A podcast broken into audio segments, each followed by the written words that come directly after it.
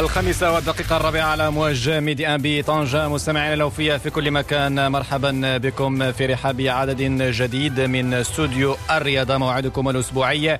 كل يومي سبت وأحد من الخامسة وخمس دقائق إلى غاية السادسة إلا خمس دقائق تقريبا ساعة من الزمن لرصد كل صغيرة وكبيرة تهم كرة القدم المغربية والمغاربية ومختلف الرياضات وأيضا الحديث عن الرياضة في القارة العجوز. في عدد اليوم يسعدني أن يرافقني زميلي علي صلاح الدين. علي bonsoir Bonsoir Wadi, bonsoir à tous. C'est donc parti pour ce premier numéro de Studio Sport de la semaine. Vous en aurez un nouveau demain de 17h à 18h avec Youssef Châtel et Hakim Aujourd'hui, on va parler de football, football en Afrique, en Europe et plusieurs autres disciplines en Afrique, puisque Wadi, euh, la semaine n'a pas été agréable pour le Raja de Casablanca qui espérait se qualifier pour euh, cette finale pour la première fois de son, depuis 2002 euh, pour la finale de cette Ligue des Champions d'Afrique, mais ça n'a pas été le cas après une nouvelle défaite face aux Zamalek. بالفعل علي سنعود لإقصاء الرجاء البيضاوي من دوري أبطال إفريقيا لحسابية بنصف النهائي أمام الزمالك المصري قبل ذلك سنعرج للحديث والغوص في لائحة وحيد هالي لوزيتش هذه اللائحة التي تم استدعائها من قبل الناخب المغربي تهبا للمباراتين القادمتين أمام منتخب إفريقيا الوسطى لحساب الجولتين الثالثة والرابعة من الإقصائيات المؤهلة إلى كان الكاميرون 2021 اللائحة ضمت 25 لاعبا ومن خلالها الزميل يوسف شاطر سيعود لرصد ما ميز هذه اللائحة الأسماء الجديدة معسكر الشهر الجاري أبرز التحديات التحديات التي تنتظر الأسود آه، بطبيعة الحال آه، قبل الموعد الرسمي أمام جمهورية إفريقيا. الوسطى كما سنعود رفقة خليل بوبحي الخبير في القانون الرياضي وعضو غرفة التحكيم الرياضي المغربية للحديث عن آه، حالة الحدادي منير الحدادي الذي كان يومني الناس في ارتداء القميص المغربي. لكن للطاس كان رأي آخر وأكد قرار الفيفا الأولي بمنع منير الحددي من ارتداء القميص المغربي بشكل آه، نهائي. بطبيعة الحال علي الحديث أيضا سيكون في هذا العدد عن كرة القدم الأوروبية وأبرز المباريات التي تجرى في هذه الأثناء وستجرى في الساعات القادمة. لكن أيضا الحديث عن كورونا كورونا الذي يواصل ضرب الأندية الأوروبية على رأسها ريال مدريد. Avec euh, deux cas confirmés euh, positifs aujourd'hui, euh, Casemiro, le joueur brésilien, et surtout Eden Hazard qui, qui n'arrive toujours pas à lancer sa saison avec le Real Madrid. On écoutera à ce sujet euh, Zinedine Zidane, euh, l'entraîneur euh, des Merengues, qui nous parlera de ces deux cas positifs de coronavirus à 24 heures du choc du Real Madrid contre l'équipe du FC Valence. On ira également en Italie puisque deux chocs sont à suivre durant ce week-end. Celui, le premier concerne la Juventus de Turin et l'équipe de la Lazio Rome. Les deux équipes s'étaient disputées le Scudetto la saison dernière et puis il y aura également le duel entre l'Atalanta Bergame et l'Inter Milan, deux formations qui ont perdu cette semaine en Ligue des Champions. Enfin, le derby entre euh, l'OL et la Saint-Etienne animera euh, la huitième journée de Ligue 1 en France. Hervé Penaud pour nous parler euh, de ce choc entre l'OL et la Saint-Etienne. Et puis,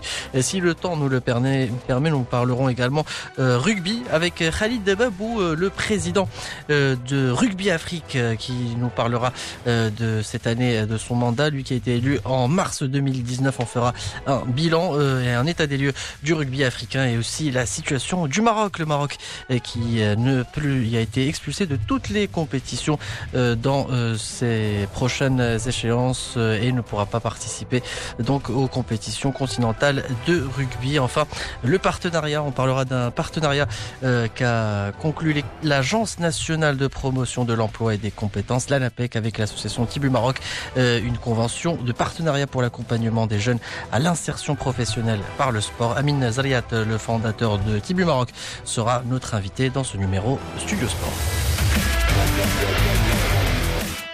وقبل أن ندخل في تفاصيل علي وبالضبط الحديث عن لائحة المنتخب المغربي لكرة القدم وفي إطار تغطية ميديا للذكرى الخامسة والأربعين للمسيرة الخضراء. القسم الرياضي لميديا يخصص نافذة للحديث عن ما تحقق على المستوى الرياضي خاصة دينامية البنية التحتية في أقاليمنا الجنوبية. سيكون معنا إذا محمد بولسان المدير الجهوي لوزارة الشباب والرياضة. الرياضة جهة العيون السقية الحمراء سيتحدث عن أبرز ما أنجز من بنية تحتية في الأقاليم الجنوبية وأيضا أبرز التظاهرات التي آه، بطبيعة الحال مرتقبة في مدينة العيون ومختلف جهات الأقاليم الجنوبية. نستمع إليها.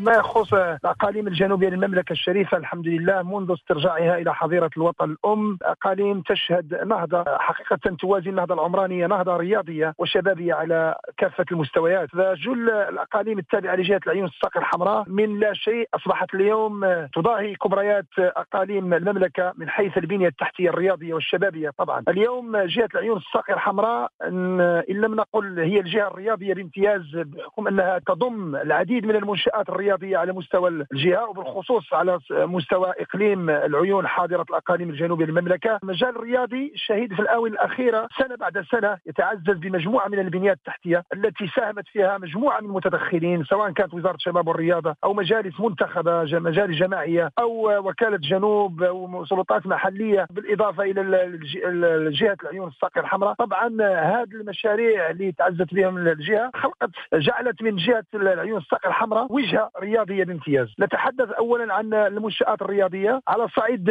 إقليم العيون فقط. نحن اليوم فخورون بما تحقق. وللشباب الحق في الافتخار ما تحقق من منجزات رياضية. نتحدث عن أزيد تقريبا من 87 ملعب للقرب. نتحدث عن أربع قاعات مغطاة. هي حاليا وقاعة طور الإنجاز. نتحدث عن ثلاث مسابح. نتحدث كذلك عن أزيد من خمس مركبات socio رياضيه بالإضافة كذلك إلى حلبة لألعاب القوى هذا فقط على مستوى إقليم العيون. نتحدث على مستوى الجهة. كل الاقاليم تتوفر على قاعه مغطاة للرياضات بالإضافة إلى مركبات socio رياضيه بالإضافة إلى ملاعب القرب بالإضافة كذلك إلى مؤسسات شبابية. آه، جهة العيون الصقر الحمراء أخي هي أصبحت رقم واحد في المعادلة الرياضية الوطنية من حيث البنيات التحتية وكذلك حتى من حيث التظاهرات الرياضية. نعم. على ذكر طيب نعم. سنواصل على مستوى التظاهرات الرياضية الآن. الكل يتذكر آخر حدث احتضنته مدينة العيون وهو كأس أمم إفريقيا لكرة القدم داخل القاعة. الآن ماذا عن تحضيرات لتظاهرات أخرى؟ صحيح أن كانت هناك تظاهرات مبرمجة في الأقاليم الجنوبية بما فيها بطولة كأس أمم إفريقيا لكرة اليد بجليميم ما هي آخر الاستعدادات الان لأبرز التظاهرات المستقبلية بالأقاليم الجنوبية المغربية؟ طبعا الأقاليم الجنوبية كما قلت أخي العزيز هي أصبحت اليوم هي وجهة رياضية بامتياز بفضل هذه البنيات التحتية التي تتوفر عليها الجهات الثلاث سواء جهة العين الصقر الحمراء أو جهة الداخله والذهب أو جهة قلميم ودنون وهذا المجهود الكبير الذي اعطي الأقاليم الجنوبية بفضل الرعاية السامية للرياضي الأول صاحب الجلالة الملك محمد السادس نصره الله وايده الذي يعطي أولوية لهذه الأقاليم. وبالتالي الوجهة الرياضية أصبحت اليوم محطة من محطات الرياضة العالمية وكذلك الوطنية والقارية. حقيقة جائحة كورونا للأسف الشديد كانت هناك مجموعة من التظاهرات الرياضية التي كانت ستنظم خلال هذه يعني الأشهر الماضية وفي الأشهر القادمة. كاس أمم إفريقيا الذي قلت بأنه سيحتضن بمدينة قلميم هو سيحتضن مناصفة بين قلميم وإقليم العيون. كان سيحتضن في شهر فبراير من سنة السنة القادمة. اذا آه، مجموعة من محطات مبرمجة والأكيد على أنه سيتم برمجة كذلك تظاهرات أخرى في مختلف التظاهرات. على غرار التظاهرات التي شهدتها مدينة العيون في السنة الفارطة والسنوات الفارطة على شكلة كأس العرش في كرة القدم كأس العرش في الريجبي كذلك آه، كأس العرش لرياضة التايكواندو والبطولة العالمية في الملاكمة. مجموعة من التظاهرات التي حقيقة يصعب علي تذكرها لأن كان هناك عدد كبير من التظاهرات الرياضية التي تم تنظيمها بمدينة العيون بحكم الفضاءات التي تلبي الطموح والتي تجعلنا نحن كمغاربة فخورين بالصورة التي تداولتها وسائل الإعلام الدولية والوطنية لكل التظاهرات التي احتضنتها مدينة العيون. información. كان إذا محمد بولسان المدير الجهوي لوزارة الشباب والرياضة جهة العيون السقية الحمراء تحدث عن ما أنجز رياضيا خاصة البنية التحتية وأبرز التظاهرات الرياضية التي احتضنتها الأقاليم الجنوبية المغربية في إطار تغطية ميديا للذكرى الخامسة والأربعين للمسيرة الخضراء. إذا نتحول عالية لحظة للحديث عن لائحة الناخب الوطني وحيد ألي لوزيتش الذي كشف النقاب عنها يوم الخميس الماضي في ندوة ندوة صحفية بالمعمورة بمركز محمد السادس لكرة القدم بالمعمورة. هذه اللائحة التي ستخوض غمار الجولتين الثالثة والرابعة من الإقصائيات المؤهلة لنهائيات كان الكاميرون 2021 أمام منتخب أفريقيا الوسطى. ذهابا وإيابا المباراة الأولى ستجرى يوم الثالث عشر بملعب محمد الخامس بالدار البيضاء بداية من الساعة الثامنة مساء. أما لقاء الثاني فسيجرى في السابع عشر من الشهر الجاري بمدينة دوالا الكاميرونية. أبرز ما ميز لائحة وحيد هالي لوزيتش هو زكريا أبو خلال لاعب أزيد الكمار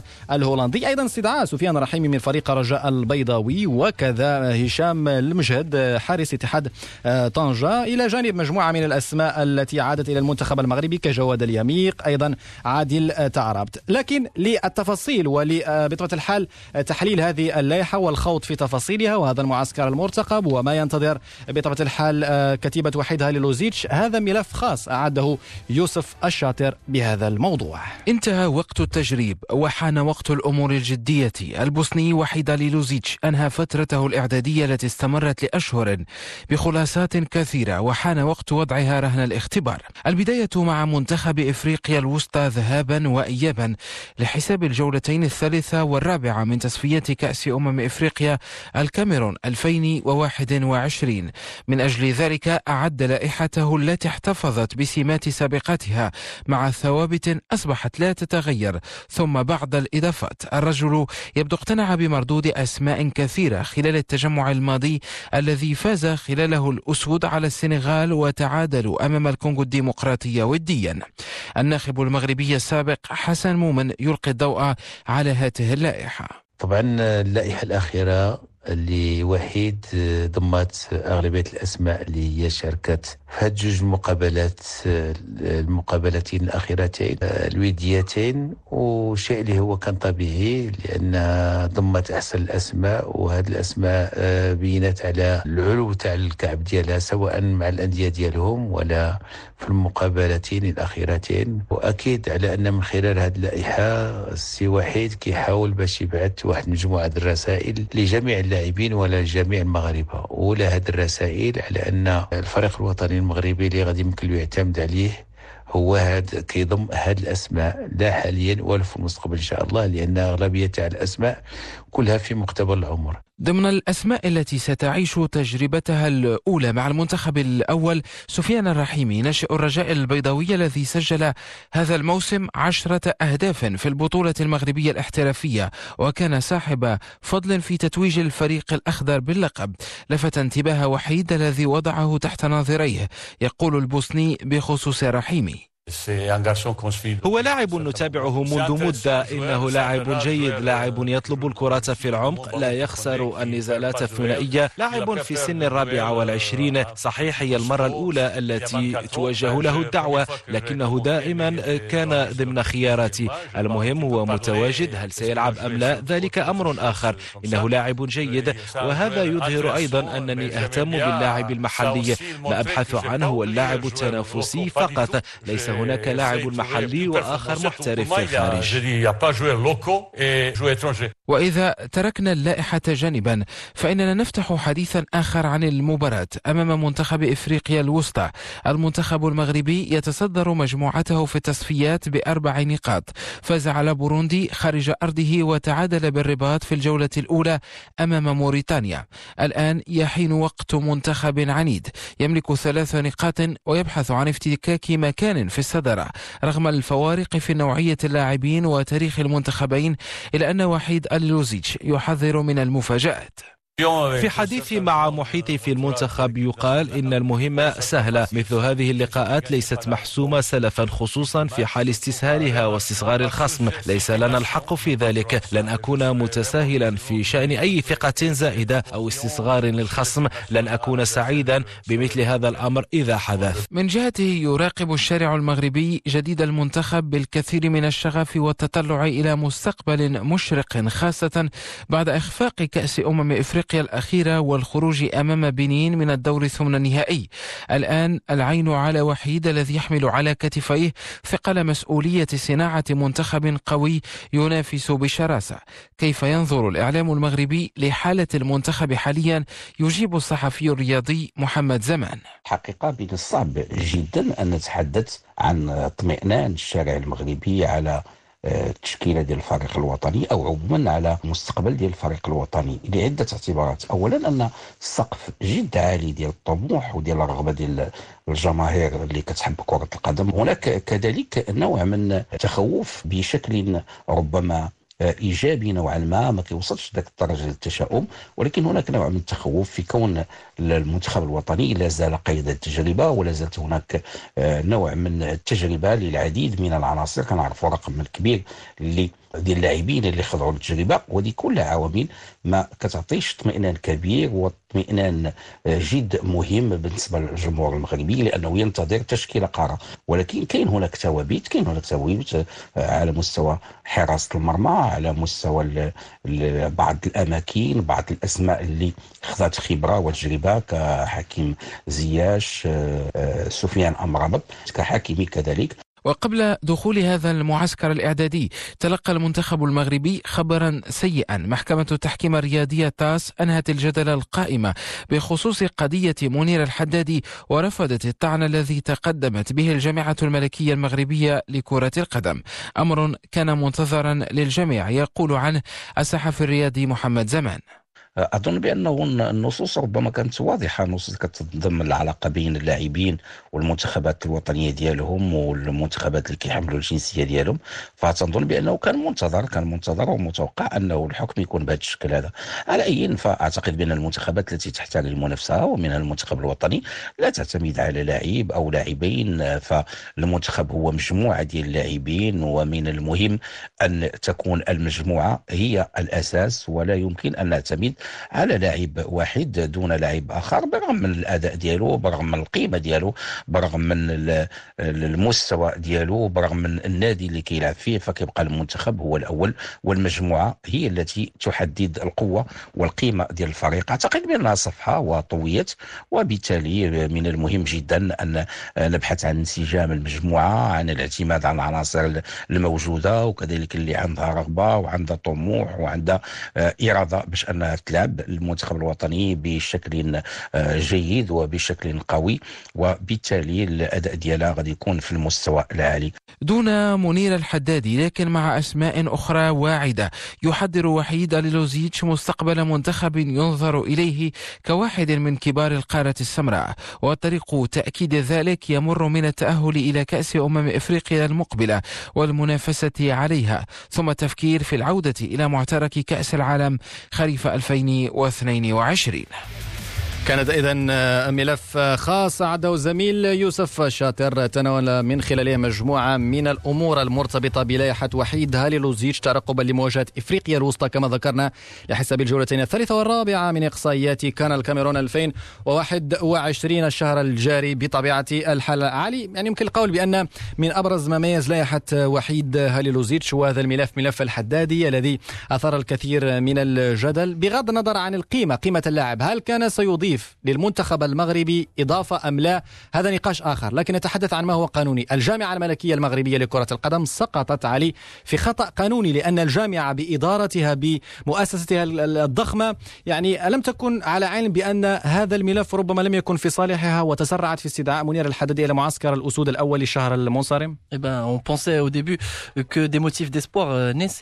du côté de Mounir Haddadi puisqu'il avait euh, saisi le TAS. On pensait que ça allait finalement être fait et que le joueur allait enfin porter le maillot de l'équipe euh, marocaine, mais ce n'a pas été le cas puisque euh, lui qui avait disputé 14 minutes en septembre 2014 avec la sélection marocaine, euh, plutôt espagnole, lors d'un match éliminatoire de l'Euro 2016, ne pourra pas finalement jouer pour le Maroc. La question qui se pose maintenant, c'est si le joueur avait opté pour l'Espagne au, au, début, c'est qu'il n'avait pas, il n'avait pas imaginé qu'il allait retrouver le Maroc et espérer jouer pour le Maroc un de ces jours. بالفعل علي وكما ذكرنا التاس التاس هيئة التحكيم الرياضية الدولية أصدرت قرارها اليوم أمس وزكت من خلاله بطبيعة الحال قرار الفيفا القاضي بمنع منير الحدادي من حمل القميص المغربي لعدة اعتبارات ربما يوضحها لنا خليل ببحي عضو غرفة التحكيم الرياضية المغربية قرار الطاس لم يأتي معللا إلى حدود الساعة فقط هناك communiqué de presse ننتظر في الساعات أو في الشهر شهور القادمة آه، القرار معللا.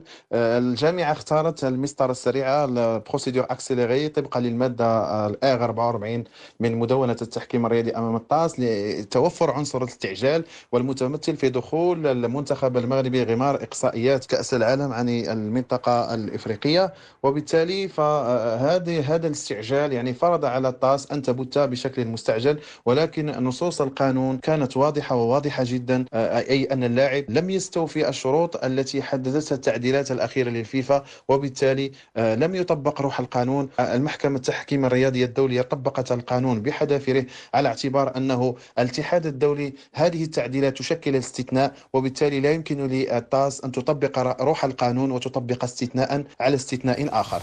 كان إذا خليل بوبحية الخبير القانوني في النزاعات الرياضية عضو غرفة التحكيم الرياضية الدولية. قبل أن نفتح ملف إقصاء الرجاء من عصبة الأبطال الإفريقية وحصيلة الرجاء في دوري الأبطال هذا الموسم دعونا نعرج إلى النافذة الأسبوعية للزميل يوسف الشاطر وهي ذاكرة أبطال. من خلالها يعود الزميل يوسف الشاطر إلى النهائي الشهير نهائي كأس العالم بين إيطاليا وفرنسا للعام 2006 النهائي الذي شهد الطرد الشهير لزندين زيدان وأيضا تتويج المنتخب الإيطالي بهذا اللقب. نستمع ليوسف الشاطر.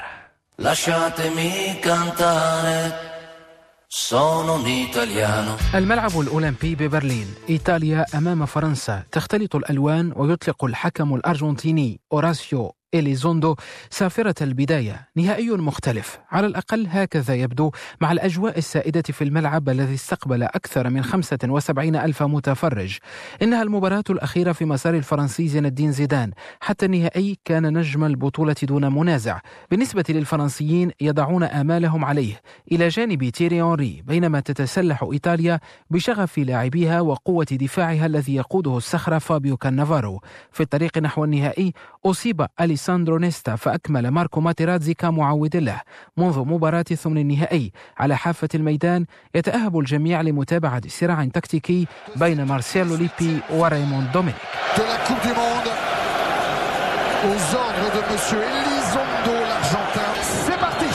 مع انطلاق المباراة بدا واضحا التفوق الفرنسي. سرعة أونري وعبقرية زيدان وقوة خط الوسط الذي يشكله الثنائي كلود ماكيليلي وباتريك فييرا. رجحت كفة الفرنسيين. قبل أن تنقضي الدقائق السبعة الأولى تحصل مالودا على ركلة جزاء. انبرى لها زيدان. في ظل الأجواء المشحونة زيزو نفذ على طريقة البانينكا. لا أحد انتظر ذلك. لكن زيدان تخيل وحده ما حدث قبل أن يحدث.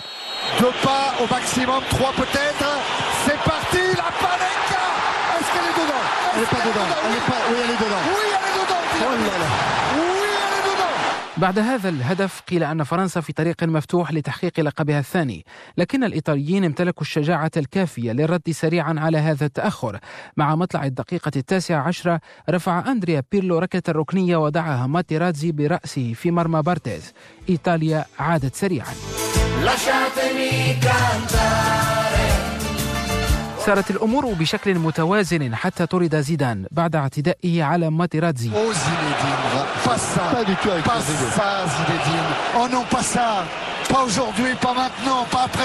fait. لم ينتظر أحد ما جرى. فابيو كانافارو يتذكر ذلك. كنت على بعد أمتار. سمعت ضجيجا. استدرت لأرى ماركو ملقا على الأرض. سألت بوفون ما الذي حدث؟ لأنه الوحيد الذي رأى ما جرى. لقد تفاجأت لأن ماركو طويل القامة. كيف سيقوم زيدان بتلك الحركة؟ إنها أشياء لا تروق للرياضي لكن أعتبر زيدان لاعبا كبيرا لقد صنع التاريخ. بعد طرد زيدان اتجهت الأنظار إلى ركلات الجزاء فابيو غروسو نفذ الركلة الأخيرة وضعها على يسار فابيان بارتيز ومنح إيطاليا لقب بطلة العالم. فابيو كانافارو يتذكر ذلك بفخر كبير. قلت لك ينتابني شعور رائع عندما أتذكر النهائي ومباراة فرنسا. واليوم عندما أشاهد ضربة الجزاء الأخيرة التي نفذها فابيو غروسو أقول يجب أن يسجلها لأن لحظات خالدة. التتويج بكأس العالم يغير حياتك. لقب عام 2006 كان نهاية جيل متألق في كرة القدم الإيطالية. بعدها عاشت إيطاليا نكسات كثيرة في كؤوس العالم التي تلت.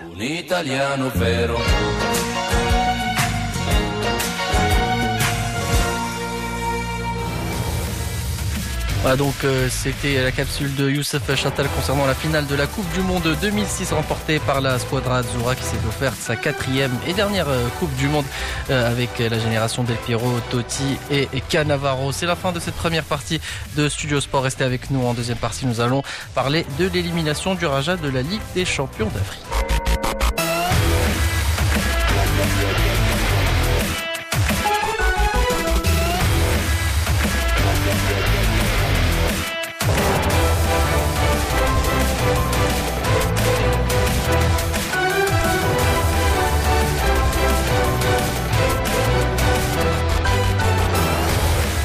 17h34 minutes à l'écoute de Médien. Bienvenue à vous si vous venez de nous rejoindre. C'est la deuxième partie de Studio Sport et nous sommes ensemble jusqu'à 18h. On parle à présent de football en Afrique. Le football en Afrique euh, puisque le Raja de Casablanca a été éliminé de la Ligue des Champions euh, en demi-finale. Retour après une nouvelle défaite face à l'équipe du Zamalek euh, sur le score de 3 buts à 1. Pourtant l'équipe du Raja avait réussi à ouvrir la marque avant de se faire dominer par cette équipe du Zamalek qui retrouve finale, une finale historique face à l'équipe euh, d'El Ahli. Le Raja avait la chance d'être le dernier représentant euh, du Maroc, euh, Wadi, mais ça n'a pas suffi face à cette équipe du Zamalek qui a, qui a réagi d'une façon remarquable après avoir encaissé le premier but. بالفعل علي فريق الرجاء الذي كان يمني النفس في نهائي تاريخي في تشامبيونز ليغا الافريقيه بعد عام 2002 تقريبا 18 سنه عجاف كان الرجاء يمني النفس في ريمونتادا هناك في ملعب القاهره الدولي أما الزمالك المصري مجريات اللقاء لم تتجه في صالح الرجاء. نتحدث هنا أولا عن غياب الفعالية في الشوط الأول. لأن فريق الرجاء ضغط بكل ثقله أمام مرمى الحرب يعني مرمى الزمالك المصري. ثم بعد ذلك لم ينجح في في تسجيل الهدف ولو أنه سجل في بداية الشوط الثاني لم يكن مفهوم. علي لماذا تراجع الرجاء إلى الوراء بعد تسجيل الهدف؟ أمر غير مفهوم حتى من ناحية التكتيكية. ثم كانت هناك انتقادات بين مزدوجتين لجمال السلامي مدرب فريق رجاء البيضاوي حول اختياراته وتغييراته خاصة خروج محسن متولي وعمر العرجون وهذا طرح أكثر من علامة استفهام على مستوى الكم الهائل على مستوى وسط الميدان لأن كان من المفروض ربما أن يملأ وسط الميدان من أجل عدم ترك مساحات لفريق الزمالك المصري. وأيضا كما ذكرنا التراجع غير المفهوم لفريق الرجاء بعد تسجيل هدف التقدم على العموم. الرجاء خسر المباراة بثلاثة أهداف لهدف واحد. حصيلة الرجاء في هذه المنافسة آه، يتحدث عنها عبد الرحيم شكير لاعب الرجاء البيضاوي.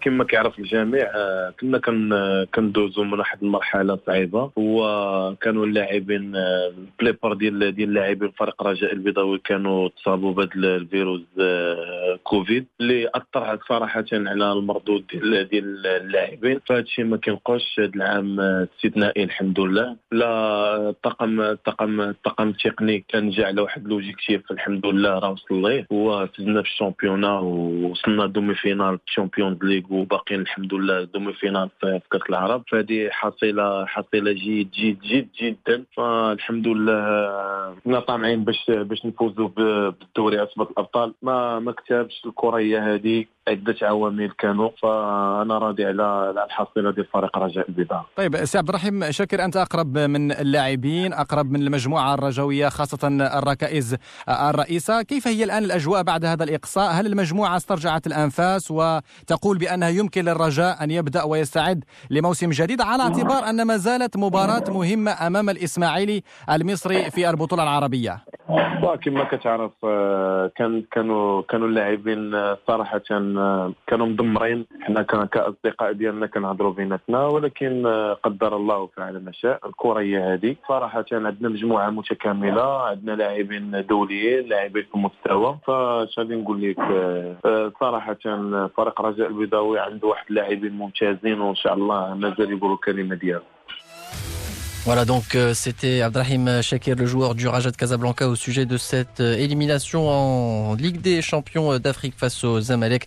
L'élimination du Raja de Casablanca, il en a été largement question dans l'émission Le Club avec Jalal Bouzrala cette semaine. Le best-of de cette émission qu'on écoute tout de suite.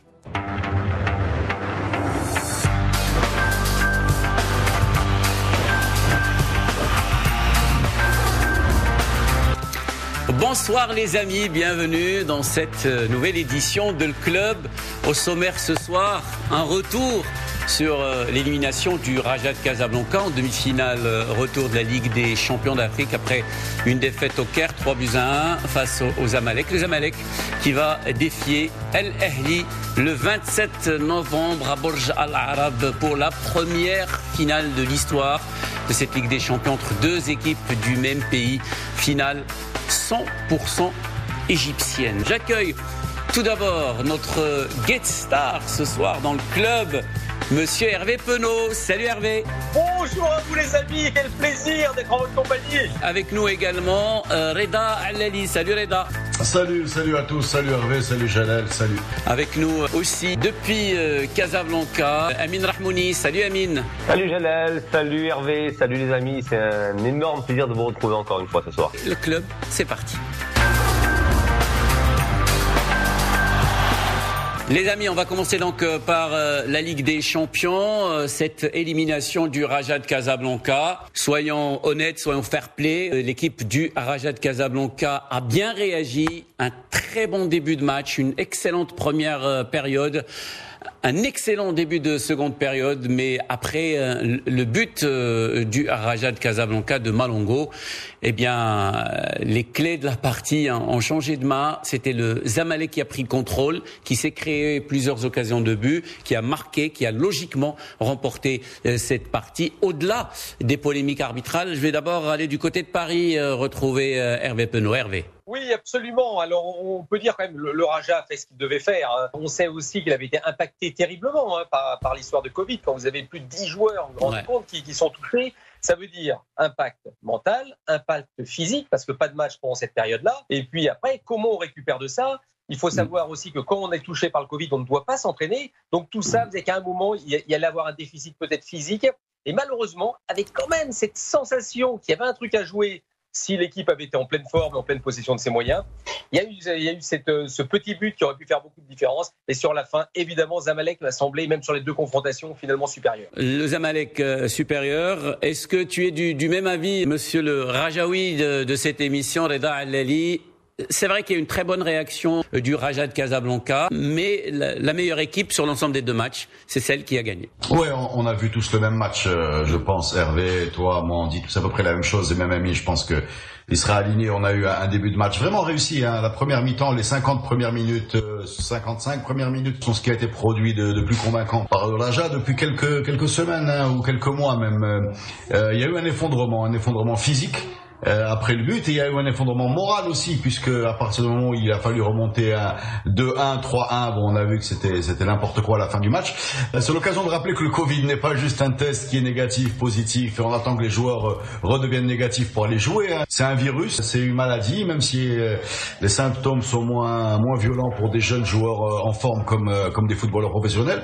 Mais mais ça a donné cette cette, cette, cette explosion. Alors est-ce que c'est que ça? Je sais pas. Les changements, on peut en parler aussi n'ont pas permis de redresser la barre parce que la chute était amorcée, l'effondrement n'a pas été endigué et bien sûr la meilleure équipe est passée. Maintenant si on prend un petit peu de recul par rapport au parcours de l'Aja qui a quand même eu euh, en poule, Mazembe en quart et Zamalek en, demi, on peut saluer quand même le parcours de l'équipe et je pense que les Rajaouis n'ont pas grand chose à reprocher à leurs joueurs. Un retour réussi en Ligue des Champions et, avec l'espoir de, s'inscrire dans le dernier carré régulièrement après une très longue absence. Amine euh, Rahmouni, Amine, j'ai euh, un petit peut ouvrir euh, la question et ouvrir le, débat sur le, football marocain qui aspire à, prendre, en tout cas à récupérer le, le leadership continental. On compare aujourd'hui par exemple au football égyptien. On a cet exemple des deux ténors du football marocain, le Raja et le WAC les deux ténors du football égyptien, le Zamalek et El euh, du Caire. Sur l'ensemble des deux matchs, c'est 9-2 pour le, football euh, égyptien.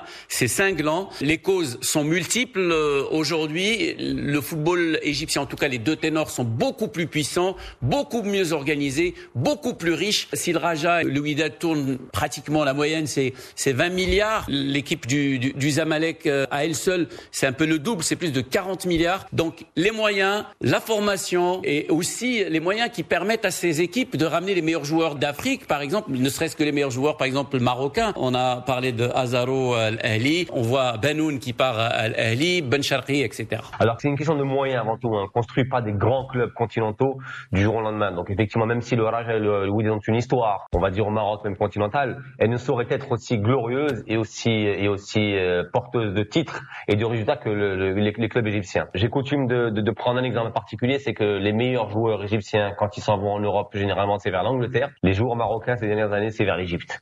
Donc, je pense qu'à ce niveau-là, je pense qu'en termes de palier, on a tout dit. Maintenant, euh, on va quand même rappeler euh, une vérité, c'est que le, le, football marocain ne se limite pas au Raja et au Wydad. En ce sens que sur les, euh, les deux grandes compétitions, ce foot marocain a quand même réussi à placer quatre équipes en demi-finale, une en finale qu'elle a remportée, qui est Berkane en Coupe de la CAF.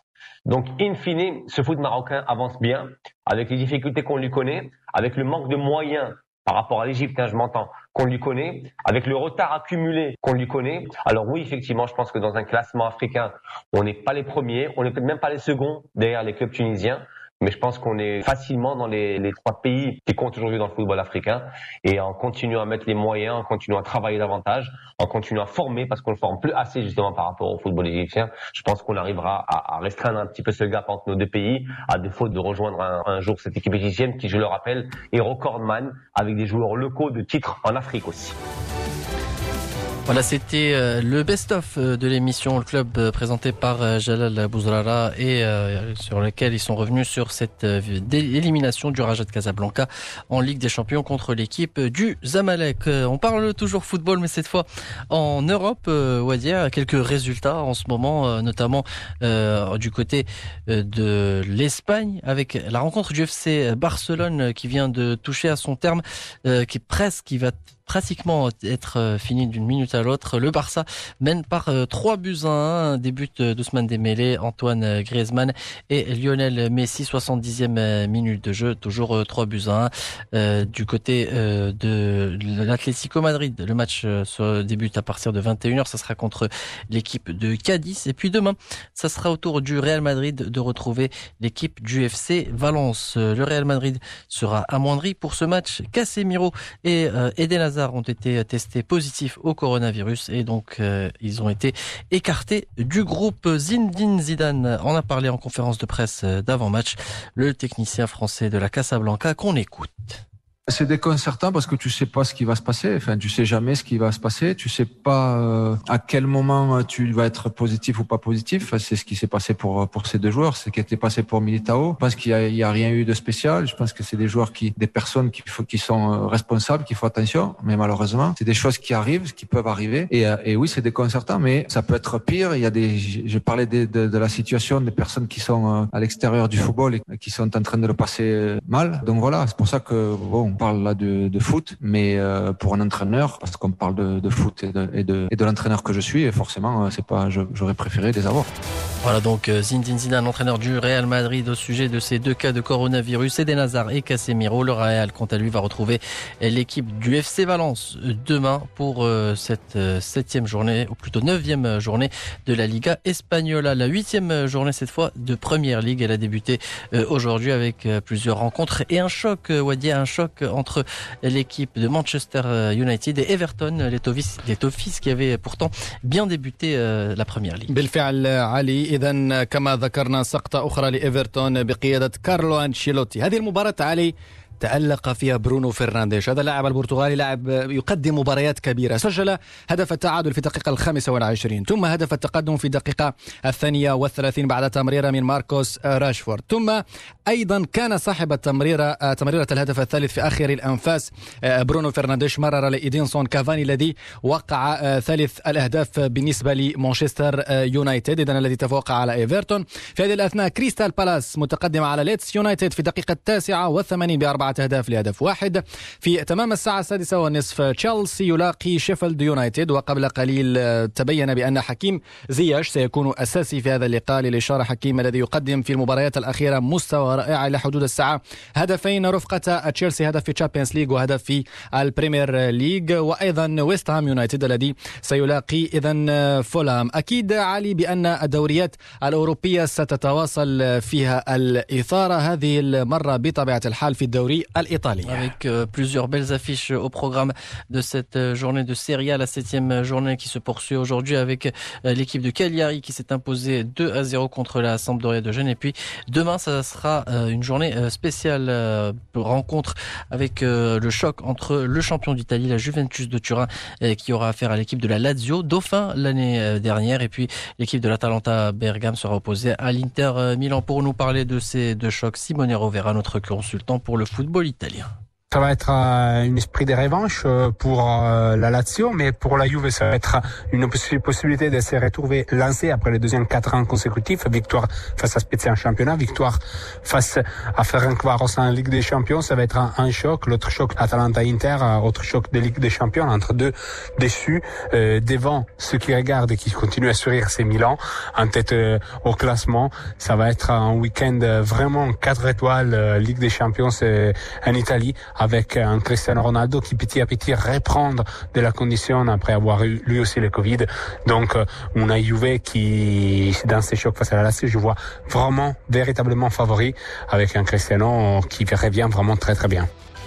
Voilà donc euh, le rendez-vous est pris pour ce choc Lazio-Rome euh, Juventus de Turin demain dès midi 30 euh, et puis l'équipe de l'Atalanta Bergame va recevoir l'Inter Milan à partir de 15h le leader de la Serie A le Milan AC qui a été battu au cœur de cette semaine par Lille en Ligue Europa va retrouver le Hellas Vérone demain en ferme en clôture de cette septième journée de Serie A contre le Hellas Vérone à partir donc de 20h45 et puis en France journée plutôt tranquille pour les équipes de tête avec en tête le choc entre l'équipe euh, de l'AS Saint-Etienne et l'Olympique lyonnais, le derby entre les deux formations qui aura lieu demain à partir de 21h pour nous en parler. Hervé Pelon, notre consultant pour le football français. Ça va être un derby capital pour euh, pour Lyon, voir un peu s'ils sont ils poursuivent dans la dynamique actuelle, hein, deux victoires, un match nul à Lille à 10 contre 11 en deuxième période, mais surtout avec un Saint-Etienne qui a la rue. Et, et s'il y a un qu'il faut pas perdre pour Saint-Etienne, c'est bien celui-là. Alors Claude Puel n'a rien à craindre, hein, parce qu'il touche tellement d'argent qu'on pourrait, il est invirable, ça coûterait trop cher de, de, de se séparer de lui. Mais il n'empêche que ça irait très très mal à Saint-Etienne. Alors la, la chance qu'ont les clubs aujourd'hui, ça c'est dans leur malchance, j'allais dire, la petite chance qu'ils ont, c'est comme il n'y a pas de supporters il n'y a pas la pression populaire qui existe, notamment à Saint-Etienne, où quand vous avez votre stade contre vous, c'est très dur, même les, supporters qui viennent à l'entraînement, ce qui n'est plus le cas aujourd'hui. Donc ça leur permet de travailler un peu dans une forme de sérénité.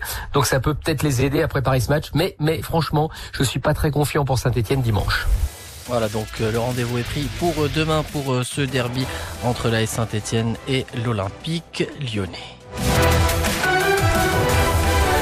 Au dernier volet de cette euh, émission. On parle rugby, euh, le rugby africain à l'honneur avec bien sûr notre invité Khalid Babou, le président de Rugby Afrique qui a été élu en mars de 2019. Avec lui, on a évoqué plusieurs sujets et entre autres le bilan de, depuis sa prise de pouvoir à la tête de Rugby Afrique et également le cas du Maroc expulsé de toutes les compétitions continentales. Notre invité Khalid Babou. Tout d'abord, je voudrais souligner le rôle important qu'a fait mon prédécesseur, M. Abdelaziz Boukja, pour la, mise en place d'une organisation sportive euh, assez performante qui est Rugby Afrique. Donc, euh, nous avons pris le train en marche pour essayer de faire encore plus évoluer cette organisation. Pour la première fois, avec un, un comité exécutif euh, composé de 11 personnes, dont deux femmes, donc parce que nous pensons également de faire l'inclusion des éléments féminins dans notre organisation. Donc, nous avons, pour la première année, avant, parce que maintenant il faut parler de pré-Covid et et, post-Covid ou, durant Covid. Donc nous avons essayé de mettre en place, euh, d'améliorer le fonctionnement et la gouvernance de notre organisation. Et je pense que nous avons euh, mis en place euh, tous les éléments nécessaires pour faire évoluer cette organisation sportive en termes de gouvernance. Avec l'introduction de deux commissions, essentiellement au niveau de la commission arbitrage et de la commission des, des, des femmes. Donc pour nous, c'était quelque chose d'assez important pour pouvoir évoluer dans un contexte où euh, nous devenons de plus en le rugby africain devient devenir et, et demeure euh, euh, encore compétitif au niveau mondial. Et pour cela, donc, nous avons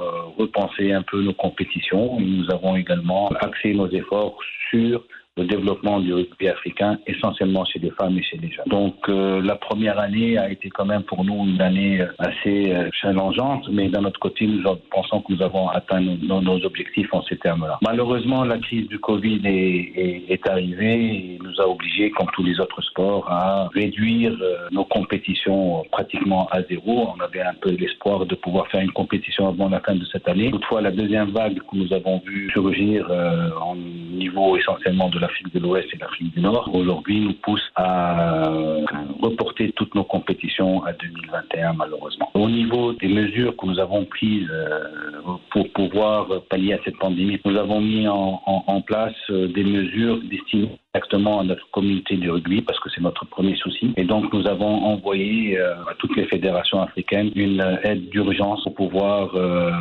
soulager un peu l'effet de cette euh, épidémie sur nos joueurs, joueuses, clubs, entraîneurs, arbitres et fédérations. Mais nous espérons d'ici la fin de l'année également leur envoyer une seconde aide financière pour pouvoir reprendre le jeu du rugby, reprendre les entraînements, pouvoir se préparer à, aux compétitions pour l'année prochaine. Alors, euh, le travail a été relativement ralenti avec euh, la pandémie, mais euh, le programme va, va reprendre durant les mois à venir. On l'espère. Durant votre mandat, les premiers mois de votre mandat, vous avez eu affaire à, à cette nouvelle. Le Maroc qui a été suspendu de toutes les compétitions en raison d'une mauvaise gestion au sein de leur fédération. comment Rugby Afrique a dû gérer ce dossier épineux? Encore une fois, le problème du Maroc ne date pas de cette année. Hein, c'est un, problème qui existe malheureusement depuis plus de 15 ans. Et euh, le Maroc a été déjà suspendu deux reprises avant, cette année. C'est un problème qui aujourd'hui nous embête parce que la place du Maroc, encore une fois, est tellement importante dans le rugby africain. C'est un pays fondateur de rugby Afrique. Euh, le Maroc dispose d'une des meilleures cartes sanitaires sur le continent. Le Maroc dispose des, probablement je ne sais pas si c'est le premier ou le second pays africain à disposer des meilleures infrastructures sportives. Le Maroc dispose également d'une connexion euh, aérienne qui le place parmi l'un des pays euh, les plus performants à ce titre au niveau africain. Et donc, euh, nous sommes vraiment handicapés au niveau de rugby Afrique par le, le fait que le, Maroc soit suspendu. Le premier à, à, perdre dans cette affaire, bien sûr, après les rugbyman et arbitres et, et entraîneurs marocains et les clubs marocains, euh, c'est bien Rugby Afrique. Donc on, vous imaginez bien que cette décision a été pour nous une décision très très très très difficile à prendre. Toutefois, nous avons remarqué que depuis 15 ans, la, la situation n'évoluait pas au Maroc et qu'il fallait quand même qu'on intervienne pour essayer de, de, de, faire en sorte que notre investissement, parce que nous nous investissons également euh, sur le Maroc. Nous investissons pour faire vivre le rugby, pour le faire développer. Toutefois, euh, nous remarquons que beaucoup de problèmes de gouvernance au sein de, la Fédération royale marocaine de rugby nous poussent à prendre des décisions héritées depuis, euh, depuis longtemps, mais aujourd'hui, il fallait, il fallait prendre des décisions qui sont dures, qui sont pour nous, encore une fois, très, très handicapantes mais elles sont incontournables parce que nous voyons le rugby marocain de moins en moins performant au niveau international avec un problème de gouvernance en intérieur. Khalid Babou, le président de Rugby Afrique, concernant la situation actuelle du rugby africain et euh, de cette euh, nouvelle concernant le Maroc expulsé des compétitions. C'est la fin de cette émission de Studio Sport. Merci de l'avoir suivi. Excellente suite des programmes sur Média.